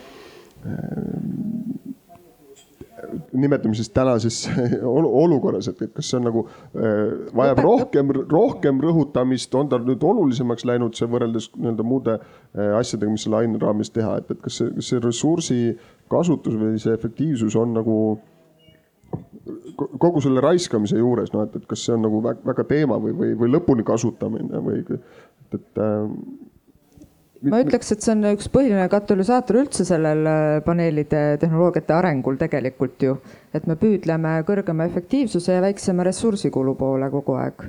et see on ju see ja noh, lisaks veel siis erinevad rakendused, et äh, oleks rohkem rakenduskohti paneelidel, et, et ei ole lihtsalt park põllu peal või katusel, et me saame ikkagi panna väga erinevad, ma ei tea, ehituselemendid, tooted, nende pinnad elektrit tootma, et see on ka veel omaette. aga efektiivsuse mõttes jah tulevad aina uued tehnoloogiad, praegu on fookus suuresti tandemtehnoloogiatel juba, et me saaksime minna üle selle piiri, mis meil praegused tehnoloogiad võimelda, võimaldavad üldse, mis on siis kuni seal kuskil kakskümmend reaalselt tööstuslikes paneelides kuskil kakskümmend viis protsenti efektiivsust, et tandemtehnoloogiatega saame juba minna üle neljakümne ja see on see suund näiteks efektiivsuse poolest, kuhu me liigume. ja ressursi koha pealt ma juba enne mainisin seda, et me püüdleme selliste materjalide poole mis annaksid meile ka nii-öelda geopoliitiliselt siis äh, natuke rohkem äh, sõltumatust ja mis oleksid äh, piisava varuga maakoores, et meil on seda ressurssi piisavalt, kui me siin plaanime hüppeliselt kasvatada tootmist. aga jällegi siin tuleb see taaskasutamine, eks ole, mängu, et see kõik on nii omavahel seotud ja seal on nii palju erinevaid aspekte ja, ja kõike seda me jooksvalt ka tudengitega arutame, aga nad võtavad seda väga hästi vastu ja mõistavad seda tegelikult väga hästi. väga hea, eh, Reil oli näpp püsti. ja, kuna te, mul neid teemasid jagub, eks, et minna, minnes siit jätkuks ongi just see, et noh, et, et võib-olla üks on see, et tuleb ka elektrijaamal samamoodi ju kütusekulu, mitu töötundi ja, ja palju meil seda näiteks seda põlevkivi läheb, on ju. kui see jaam täiskoormusel aastaringselt töötab või siis puitu, on ju aga, aga võib-olla see, mis, minnes selle Maarja sissejuhatuse juurde tagasi, et mis see nii-öelda see esmane tarkus olla, võib-olla energia tasemel võikski olla see, et aga millise kütteliigiga on mul seda kodu kõige odavam praegu kütta, millise transpordiviisiga on mul kõige odavam sõita või see sinu külmkapi näide, eks, et noh, et kui see, sa nägid küll, et ta, elektri tarbimine väheneks sul noh kolmandikule praegusest, aga kas sellel asjal ka tasuvus on, kui sa arvutad, et sa pead selle külmiku ju ostma. Et, et kui su tasuvus on, ma ei tea, viisteist aastat sellele külm, külmiku vahetamisel, et kas see on siis mõistlik otsus või mitte. et võib-olla see just selle tasuvuse arvutamine selle tegevuse juures on see, mis ma arvan, meil kõigi nagu neid jooksvaid kulutusi aitab tegelikult võib-olla kõige rohkem endal nagu kontrolli omada nende üle. Jaa, palun. jah, palun, palun. ma kohe tulen su enda näite juurde tagasi, kui te arvutasite päiksepaneelide tasuvust, et tegelikult me peame arvestama nende tasuvusarvutuste puhul ka seda, et äh, kogu tehnoloogia ja kaasnev tehnoloogia areneb nii kiiresti, et nagu päiksepaneelide puhul alguses ei tasu ära ja mõne aasta pärast on ta juba nii suure tasuvusvõimekusega tegelikult ja see kõik need tehnoloogiad üksteist nagu paralleelselt selles mõttes aitavad ja seetõttu mina näiteks ei ole üldse skeptiline salvestustehnoloogiate suhtes. kui me ikkagi, meil on juba nii suur võimekus taastuvelektrit toota, ma ei tea, tuule, päiksega näiteks, siis kahtlemata need salvestustehnoloogiad tulevad kaasa sinna, et äh, ma üldse ei kahtle selles. Et see, selles mõttes see tasuvusarvutus on ka selline, sa pead pikas perspektiivis seda vaatama, eks ju no mingi otsuse pead ju tegema. mitte pikas perspektiivis, vaid et uurima, mis tingimused, kui ta praegu ei tasu, eks, mis peaks muutuma selleks, et ta muutuks tasuvaks, onju et kui ta on salvestid, et ja kui me ei mõtle selle peale, et me lihtsalt äh, ise toodame sellesse kodus olevasse salvestisse, vaid me hakkame sealt võrgust ostma ütleme soodsa hinnaga, et teda hiljem siis tarbida, siis noh, selle eelduseks on see, et meil on väga muutlik elektri hind, et isegi kui see elektri hind on kõrge, aga ta on kõrge kogu aeg, siis sellest salvestist kahjuks selles kodus noh, väga suurt kasu ei ole. Allan on nüüd oma sõna. ja, ja ma tahtsin lihtsalt päiksepaneelide hinda kommenteerida, et siis te peate tänama Hiina Rahvavabariiki, kes põhimõtteliselt tegi nii-öelda ebaausat konkurentsi, lülitas välja enamus konkurentidest poliitilisi vahendeid kasutades aga ma ei tea, kas nad akudega sama teevad, kui teevad, siis tuleb järjekordselt tänada seda, et totalitaarses ühiskonnas on see võimalik, vabaturumajanduses nagu mitte. aga kuidas su enda õppeainetes on selle ressursi teema?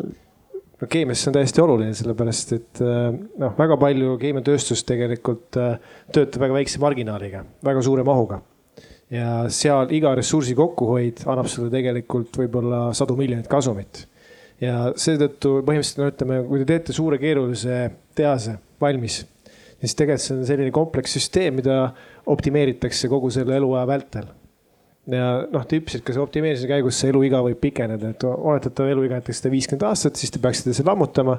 kui võib juhtuda, et te vähetate selle jooksul kriitilised elemendid välja, võib-olla näiteks, mis on juhtunud, naftatööstus on hea näide, võib-olla ei peaks siin tooma, aga äh, katalüsaatorid on muutunud äh, viimase, mis ütleme, ütleme üheksasada kakskümmend tulid esimesed tehnoloogiad letti ametlikult, tehased püsti, nüüd on sada aastat möödas, ongi saja aastaga on asi, asjaolud muutuvad sedavõrd palju efektiivsemaks, saavad katalüsaatorid. et te saate samast tehasest tõhusamalt teatud asju toota ja see on see protsess, mis käib kogu aeg. hea küll, me liigume kuskile mujale ja kui me tahame ka toota, eks ole, nii-öelda jätkusuutlikke äh, kemikaale oma materiaalset maailma, ega see mõte ei kao kuskile. ressursitõhusus on alati väga tähtis sest see on konkreetselt kasum ja samas on nii, et kui me tahame teha noh, ala neid telke, mis siin on, eks ole, see on masstoodang. ja selleks on teil vaja suuri mahtusid. see materjal, mis tuleb, eks ju, üks tuleb, osa tuleb alumiiniumtööstus, osa tuleb keemiatööstusest. see kõik nõuab tegelikult väga tõhusat lähenemist ja samas noh, see käib ka nii, farmaatsiatööstus samamoodi vaatab seda, et me tahame ehitada oma ravimimolekuli valmis nii väheseid samme tehes kui vähegi võimalik ja kasutada nii vähe aatomeid, et ideaalis oleks üks-ühele, see ei õnnestu kunagi. et teete aspiriini ja siis teil on aspiriinis, eks ole, teil on kuus, seitse, kaheksa, üheksa, no ütleme umbes edasi kümme aatomit, eks ole. siis tahaksite, et oleks hea võimalus, te ainult seda kümmet aatomit kuskilt võtate, rohkem mitte.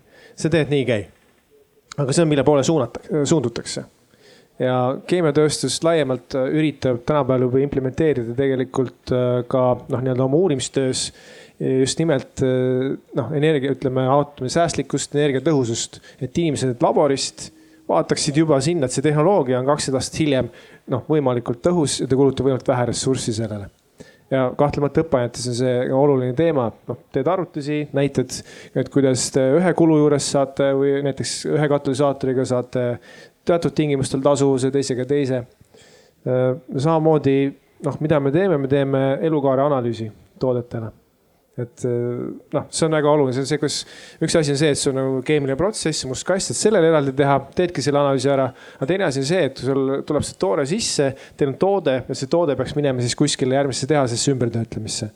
Ja sealt on see, kus tegelikult tudengid eh, võib-olla saavad nagu parima arusaamise sellest, et kuidas noh, materiaalne maailm siis tööstuse ja tarbimise mõttes töötab. sest muidu noh, peamiselt me oleme tarbijad see on enne see väga lahe näide, et ega et sa pead lastele õpetama, et elekter ei tule seinast. sama nagu rahaga ka, eks selle raha ei tule automaatselt seinast. esimese asjaga, ega minu laps ütles mulle ka kunagi, et ma ütlesin, et ei, meil ei ole raha, et Lego osta. no ta tahtis seda mingit politseimaja, mis maksis sada või sada viiskümmend eurot, ma mäletan. ma ei tahtnud talle seekord osta seda siis ta näitas mulle Swedbanki automaati, raha tuleb sealt. et noh, ütleme seega energia on samamoodi, energia tegelikult meie ümber on kõik energia olemas, eks ole, aga see ei tule lihtsalt nii, et see panete pistiku seina. ja see ei ole ka tõhus võib-olla alati. väga hea, et äh, me oleme nüüd äh, siin juba, juba üle tunni diskuteerinud selle üle, et, et äh, energiasõltumatus, me oleme rääkinud siin võib-olla täna rohkem sellest tarbimise otsast, et just tootmise ots kipub olema mm, kõik, mis meil on, tundub, et on vana noh, ma ei tea, põlevkivi ja, ja, ja siis on äh,, Marju ütles hästi, et ja siis on alternatiivkütused, mis, mis nagu ei ole enam eriti alternatiiv. et äh, mis, mis nagu ongi sihuke tänane nagu loogika, et äh, ja, ja siis natukene rääkisime siin, et, et kas ja kuidas me seda oma mm, õppetöösse viime, et äh, ma natuke nüüd äh, enne kui ma siin viimasele ringile nagu äh, sõna annan, siis vaatan publiku poole, et äh, kas on tekkinud siin küsimusi meie, oh väga hästi, kust need, äh, kas teil on kuskil mingid mikrofonid ka või kuidas need küsimused meieni jõuavad?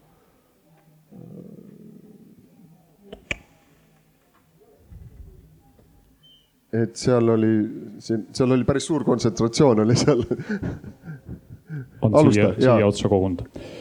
aitäh, Andres minu nimi ja Rohetiigrist et äh, põlevkivi uskujatele võib-olla see kommentaar ka, et, et tänasel kujul me nii väga sõltumatut ei olegi selle sellisel kujul põlevkivi kasutamisega, nagu me võib-olla ette kujutame endale, aga see selleks. aga kasutades ära juhust, et, et ka materjaliteadlasi ja keemikuid meil siin pundis on, et siis, siis küsiks sellist asja, et mida öelda nendele inimestele, kes noh, väga lihtsalt langevad pessimismi rohepöördega seoses, ütlevad, et noh, et kui nüüd praegu kohe kõik elektriautodele üle minna ja et siis meil ei jätku maailmas liitiumi selle jaoks.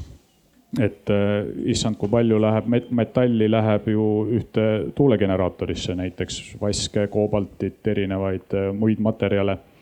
et äh, kust, kust see kõik tuleb, kust see välja võetakse?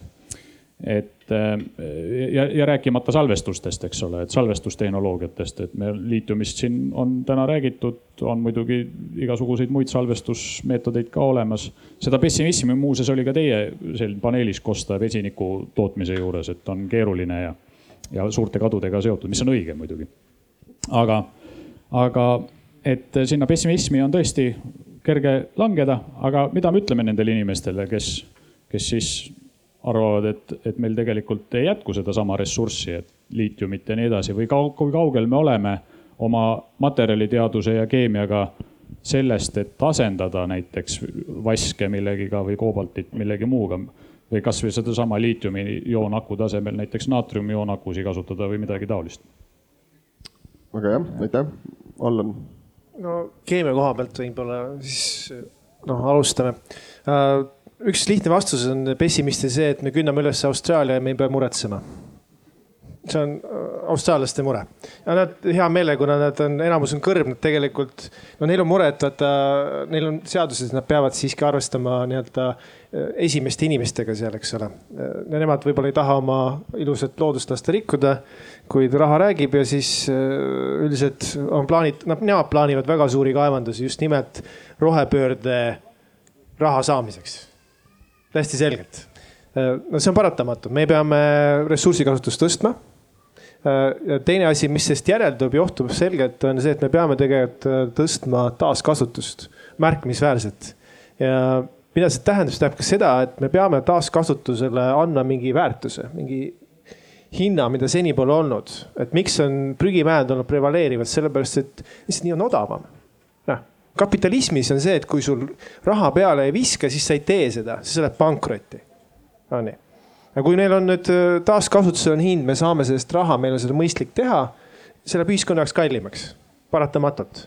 aga niikuinii läheb kallimaks, sest tegelikult Austraalia üleskündmine samamoodi väga kallis tegevus.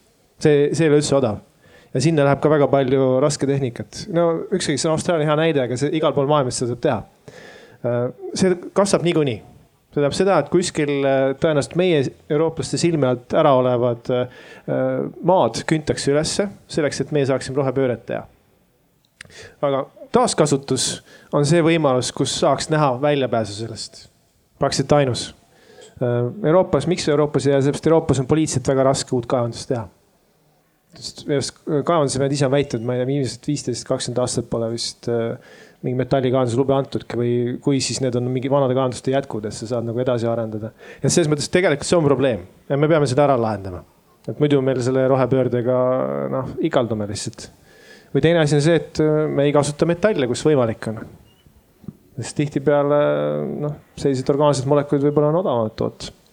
kuid neil on ka oma keskkonnajälg lisad sa, Maarja, midagi siia või võtame? ma olen järgmised? suures plaanis nõus äh, Allaniga ja mina toon ka alati selle taaskasutuse teema sisse, sest sellega tõesti tegeletakse väga aktiivselt. ja ma arvan, et kui see nagu jõuab rohkem ka inimesteni niimoodi nähtaval kujul, siis seda ka rohkem mõistetakse ja see umbusk nagu hakkab ka kaduma, võib-olla praegu ta on selline natuke abstraktne nende jaoks, et nad ei taju seda võib-olla nii hästi. Aga iseenesest äh, see on suund, mis tuleb kindlasti võtta ja, ja võin kinnitada, et kõik tehnoloogiad ka, mis Eestis arendatakse, on need vesiniku või päiksepaneelide, on ikkagi võtnud selle suuna, et ressursikasutus oleks ka väiksem. Ja kasutatakse ressurssi, mis on äh, rohkem saadaval. Väga hea, äh, seal oli veel küsimusi, ja palun. ja tere, olen Magnus Arenguseire Keskusest.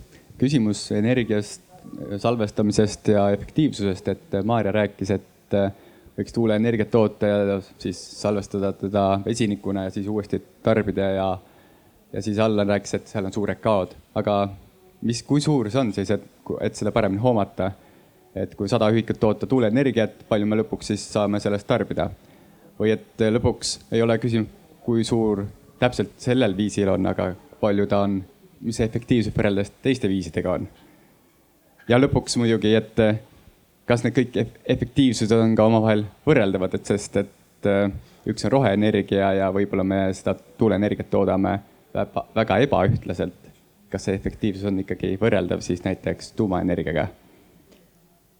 Aitäh, mina suunaks selle küsimuse Ivole, kes on meil kõige suurem tuuleenergia ekspert siin selles paneelis praegu.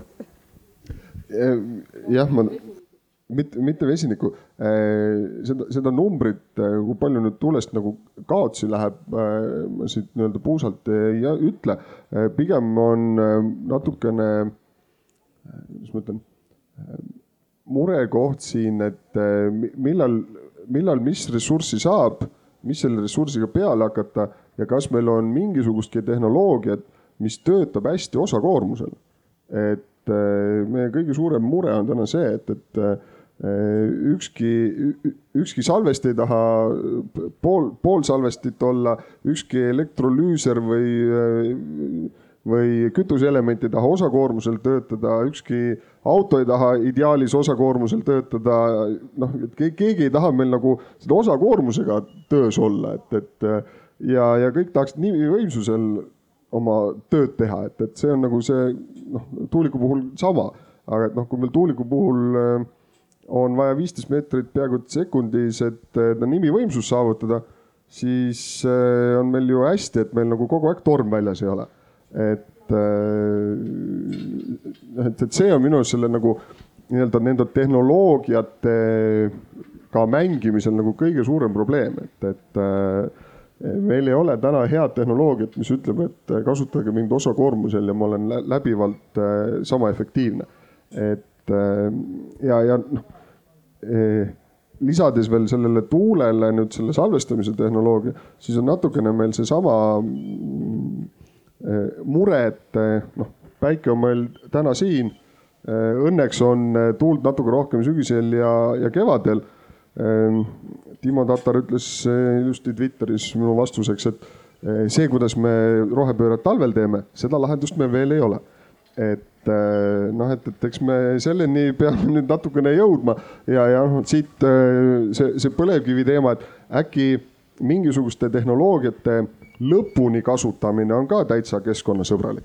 et äh, täna hakata siin tuhandet megavatti ükskõik millist tehnoloogiat ehitama nõuab neid äh, samu maavarasid on ju, et ja, ja ükskõik mis, mis liigil, nii et äh, see, et me kuidagi selle, kasutan sõna, solgutamise tulemusena jõuame mingisuguseni energiasõltumatuse tasakaalupunktini, noh, selles ma olen nagu pigem kindel, et äh, ühe tehnoloogiaga me ei võida ja ei ole see üks tootmine ega ei ole ka mingisugune üks salvesti, kuhu me, kuhu me teel oleme. aga ma küsin veel publikust äh, küsimusi siin annan siin mikrofoni ka, et, et. Äh, jah, Jorgan, Tehnikaülikooli vilistlane. et äh, mõned aastad tagasi sai uurida võimalust, et äh, kui perspektiivikas oleks teha siis mingi nutikas seade, mis jälgiks seda börsihinda ja siis lülitaks vastavalt sellele mingeid seadmeid sisse või pakkuda sellist teenust nagu. aga siis selgus, et kommertsalustel seal Nord Pooli andmete kasutamine maksab mingi hirmus palju et sellel ei ole lihtsalt nagu sihukeses väikses mahus mõtet, et kas ei võiks võtta nagu selliseid tobedaid barjääre maha, et soodustada seda innovatsiooni selles vallas? kas, küsin täpsustuse, ei ole ekspert sellel teemal, aga kas Elering ei anna neid juba täna paremini kui Nord Pool Eesti kohta? Äh, sai uuritud seda mingi hulk aastaid tagasi, ma tänast seisu kahjuks ei tea. võib vaadata, aga noh, loomulikult äri ei peaks tegema ainult Eestis, et äh, püs-, ütleme minu meelest küsimuse püstitus on adekvaatne kui me kasutame Nord Pooli, me võiks ise panna tingimusi ka sinna juurde, et me tahame, et, et noh, et olgu olla. võib-olla see, see on üks nendest ettepanekutest, mis seal turu muutmisel äkki peaks arvesse võtma, et, et vähemalt see ots ei oleks nagu tasuline, et ma saan neid koduvidinaid äh, võttagi seda infot seal, aga ma saan aru, et, et seal eh, mingi aeg see vähemalt andmeid sai veel niisama, nüüd on see andmete allalaadimine Nord Poolilt on ka tasuliseks tehtud, nii et eks kõik, kõik üritavad kuidagi kõrgete elektrihindade juures kuidagi raha teenida. aga seal nurgas oli veel ja siin, et, et natuke on meil, meil aega, et. nii, Väino Rajang on minu nimi meie arutelu teema on energiasõltumatu Eesti ja ma tahaksin tegelikult kuulda, mida Eesti riik peaks selle sõltumatuse tagamiseks tegema. Mul on meeles siin Paide Arvamusfestivalil rida aastaid tagasi arutati energeetika probleeme ja mulle tookord majandusminister selles küsimuses oli niivõrd abitu ja nüüd seesama inimene juhib Euroopas energiamajandust. Nii et, et ma olen natukene pessimist, et, et me nagu riiklikul tasandil ei suuda hoomata seda, et tuleb midagi ka ette võtta lisaks nende päikesepaneelidele ja, ja tuulikutele. ma eelmise nädala Maalehes ka kirjutasin sellest ühe loo seoses selle koalitsioonilepinguga ega koalitsioonilepingus ei ole ka mitte midagi nendest reguleeritavatest võimsustest on küll, et taastuvenergial me läheme edasi, nii et ma tahaks siin kuulda ikkagi ka, mida Eesti riik peaks tegema. Aitäh teile Eh, ma, ma, ma suunan natukene Reili poole, sellepärast et ta on vähemalt, eh, seal ei ole mitte vastus riik, vaid ta on näinud eh, ja tudengitega läbi arvutanud, et, et millest võiks olla see portfell võiks koosneda, et, et seda portfelli arvutust sa oled ju teinud, et. ja ei, tudengid on saanud igaüks ka oma seda nägemust ise visualiseerida, aga. saame aga... tudengite arvamust vähemalt siis vahendada, et ja, ja, ja seal kindlasti peitub tõde ma arvan, et tõde peitub selles, et see energiaportfell on hästi mitmekesine, et ta ei ole ühekülgne. aga, aga kui nüüd konkreetseid soovitusi nüüd riigile anda, et siis võib-olla tagajärgede likvideerimisele raha kulutamise asemel hakata sedasama raha kasutama selleks, et teha investeeringuid selle pikas perspektiivis, oleks meie elektri hind odavam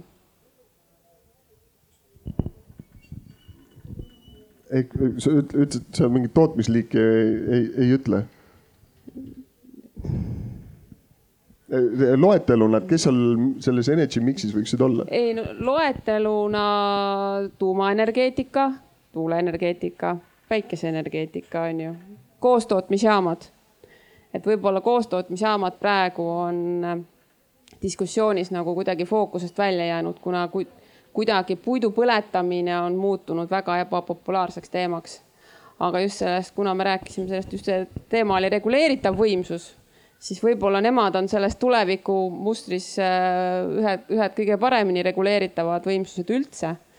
ja, ja see koostootmisjaamade potentsiaal on ka osaliselt rakendamata veel. et äh, selle jaoks on veel ruumi, aga võtaks siis äh, viimase küsimuse kui härra Parts siin pakkus välja, et Eestisse tuleks veel üks või kaks Auvere elektrijaama ehitada, kuidas me sellesse peame suhtuma? tänan. küsimus minule? mina äh,? kui me võtame selle tänase pealkirja, siis see kindlasti äh, aitaks meil selle ühelt poolt selle sõltuvust, kui me elektrit juba ära toodame, et, et siis ja seda kohapeal toodame, siis eh, see, see kindlasti vähendaks eh, elektrisõltuvust ja natukene saaks hinnas võib-olla ka rohkem kaasa mängida. aga kas sellele pärast valmimist ka nagu tööle saame panna?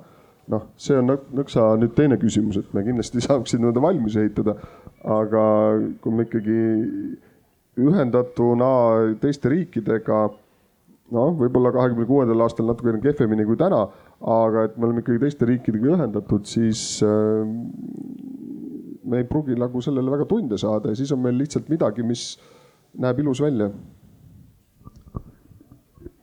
viimane küsimus. tere, Henri Ormus, Fermi Energia. osaliselt Reil äh, juba vastas äh, küsimusele, aga meedias tihtipeale teatud huvigrupid ütlevad, et tuul, päike Äh, noh, ainult taastuvad energiat on Eestile piisavad, et tagada siis energiasõltumatus või energiajulgeolek, et, et äh, selle ürituse eesmärk on ka siin harida Eesti inimesi, et millised on need võib-olla teie sõnumid siin, et, et kuidas siis nagu inimestele selgeks teha, et, et ainult tuul ja päike ei piisa? aitäh. kust me vastamist alustame? Ei noh, tegelikult ju piisavad, kui meil oleks piisav salvestusvõimekus. aga seda hetkel meil ei ole. teised lisavad? no üks võimalus on see, et me teemegi vesinikku, aga siis see vesinik peab olema äh, läbi kogu Euroopa. Et no mõnes mõttes muidugi on meil siin äh, teatud huvirühmad äh, tegelevad sellega, et on loodud isegi nii-öelda koostööplatvormid. idee on selles, et meil on üle-euroopaline vesinikutorustike võrgustik ja miks me teeksime üle-euroopalise, et see oleks ka ühtlasi vesiniku salvestuskoht. et selle maht on universaalselt suur et siis igaüks ei pea endale oma nii-öelda, ma ei tea, padasi ehitama, eks ole, mis on päris suur ja võib-olla kallis, aga kui me teeme koostöös suure võrgustiku ja selle vesiniku, mis me toodame, suuname sinna, et see oleks üks võimalik lahendus keegi muidugi praegult ei tea, kas see valmis tehakse, kuigi Euroopa Liidu tasandil ma saan aru, et see on üks nendest eesmärkidest, mis on võetud. et me teeme selle ära, noh, ma ei tea, kas see nüüd, kui kiiresti see reaalsusse jõuab see on umbes nagu noh, teedevõrgustik, et me teeme ühise teedevõrgustiku, ühise elektrivõrgustiku ja ühise vesinikuvõrgustiku. Väga hea, ma võib-olla selle vastuse või selle küsimuse võtan niimoodi kokku, et äh, see, et me siin äh, tuumaenergiat tarbime, on pigem äh, reaalsus, see, kas me seda oma riigis toodame, noh Allani jutust tuli välja, et ega me paljusid keemilisi elemente ei tooda ja päikest ka ei tooda, et, et kas see peab siinpool piiri olema või teisel pool piiri, ma arvan, et see on ka kindlasti üks osa sellest nii-öelda küsimusest.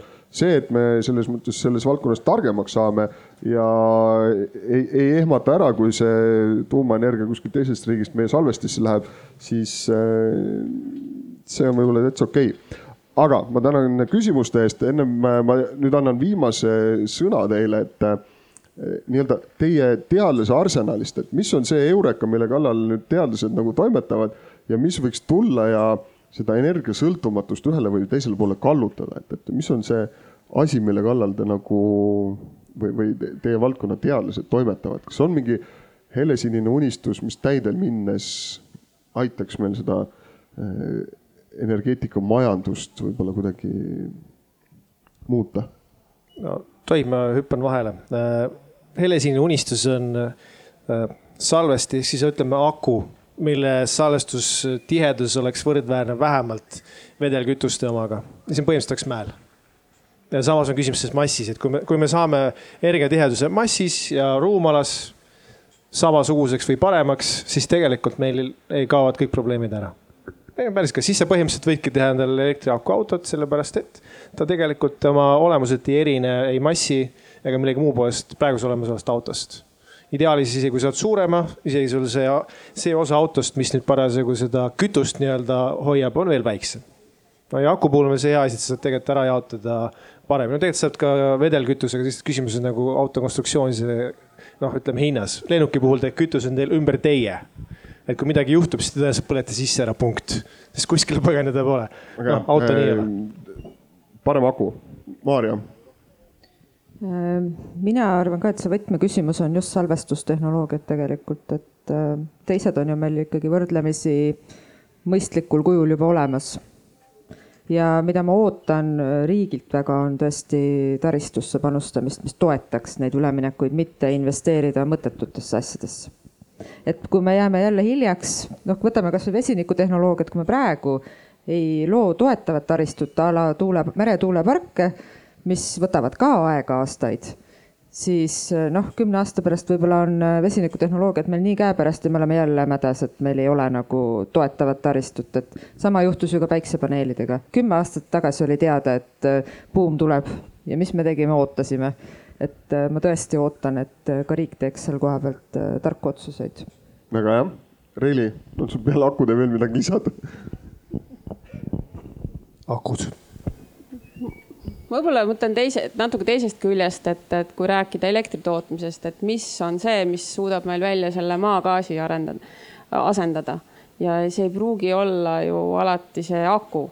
et kas meil kasvõi Balti riikides, kas meie kas meil hüdrosalvestus on ikkagi rakendatud, sest meil Eestis küll ei saa seda väga palju ise rakendada, välja arvatud need maa-alused pumphüdroelektrijaamad, aga kas meie naaberriikide salvestuspotentsiaal on siiski juba täies mahus kasutusel või oleks kuna me nagunii nendega koos selles õnnetusseisus oleme, et äkki meil ikkagi koos õnnestub ka lahendusi paremaid välja töötada. ja et või et kas Eestis meil noh, ma ei tea, mis selle, kas me põlevkiviga kuidagi saaksime ikkagi natuke kaasa aidata aga jah, Innar. Minu, minu teema oli siis andmed. Ja minu silmis küll, et selleks, et kui on noh, kas kriis või mingisugune eesmärk, et meil on vaja andmeid, et ka, et siis, kui meil on, noh, läheb kakluseks, siis kui meil on prillid udus, et ei ole nagu hea lähte, lähtepositsioon. ma proovin oma vastuse võib-olla raamistada niimoodi nagu ütleme Väino Rajangu küsimust arvestades, mida siis riik peaks tegema ja, ja siin härra Arenguseire Keskusest ka küsis midagi, et seal on Arenguseire Keskus on ka praegu üks selline programm, kui ma ei eksi, üks kolmest, et eh, andmevabadus. Ehk siis, et, eh, et, et me peame jälgima, ega me liiga palju andmeid pole kinni keeranud. või, või meie välispartnerid, nii et mina, mina selle noh, kui oleks üks mõte, mida sõnastada, siis eh, ja see ei ole originaalne, Sandor Liive kirjutas selle sarnase, kirjutas värskelt ERR-i ka et lihtne, kiire lahendus, et noh, me, me peame aru saama, kuidas need imelikud asjad toimuvad, mis tähendab seda, et me peame, et e vähemalt Eestis peaks olema avalikustatud eh, siis need pakkujad, kelle tõttu see hind eh, tekib. ei pea olema kõik, kes tegid pakkumise, vaid ainult need, kes siis läksid, eks ju, järgmise päeva tehingusse. võib öelda, et see on ju konfidentsiaalne ja muud niisugune pisar-pisar Eestis on ka sellepärast erandlik, et Eestis on näiteks kaks raamatud eraisikutel avalikud samamoodi, et see on noh, ütleme riik otsustab, inimesed otsustavad, et ma arvan, seda tuleb ära teha. kui me ja, ja ütle, kas te kujutate ette, et ei oleks ajakirjanikke või ütleme, uurivaid fanaatikud, kes siis nagu hakkaksid otsima põhjuseid. loomulikult kõik järeleasjad, et ütleme, konkurentsiametile võiks anda rohkem raha, et ta saaks olla nagu intelligentsem järele, järelevalvega ja uurida, seda kõike võib ka teha, aga ma arvan, et kõik algab nagu andmete avaldamisest, et kui praegune vastus on, et ei, see on konfidentsiaalne, siis eh, see noh, see ei ole aktsepteeritav, tuleb andmed avalikuks teha. väga hea, on sul viimase sõnana, Mart, midagi lisada? Eh, noh, mina lisaks seda, et, et et ikka nutikas tarbimine ja pigem ühtlane tarbimine, et noh, näiteks oletame, et eh, terve linna täis on elektriautosid, inimesed tulevad töölt koju, kõik lükkavad laadima korraga, siis on elektrivõrk kohe maas et eh, nende laadimist ühtlustada, et mingi auto hakkab mingil ajal laadima, mingi hakkab teisel ajal laadima, aga noh, see eeldab jälle nutikat eh, taristut ja panustamist eh, IT-sse ja, ja elektroonikasse, et põhimõtteliselt kuna, aga see võtab ka energiat või noh, mingis mõttes on ka poolsurnud ringiga tegemist jälle. aga suur tänu publikule. röövisime teilt viis minutit väärtuslikku aega lisaks, et et äh, aitäh ja aitäh panelistidele, nii et äh, tundub, et äh, eks me otsime seda tasakaalupunkti siis edasi, nii et jõudu meile. selge see.